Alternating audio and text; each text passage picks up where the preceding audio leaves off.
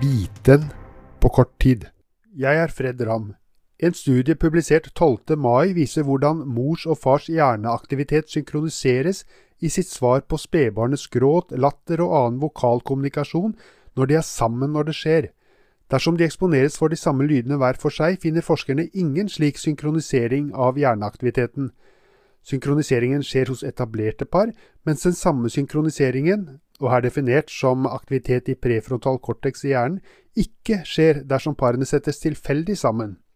Synkroniseringen skjedde litt forskjellig avhengig av om det var far eller mor, og i tillegg var synkroniseringen større dersom foreldrene var eldre, men studien viste at det ble mer koordinering av respons både mot barnet, men også mellom foreldrene. Det studien ikke gir svar på, er om denne synkroniseringen alltid er til det beste for barnet, for teoretisk kan en synkronisering av negativ respons være skadelig. En av forskerne påpeker overfor Science Daily at oppdragelse er et felles ansvar, og at fundamentet er teamarbeid, kommunikasjon og tillit til hverandre.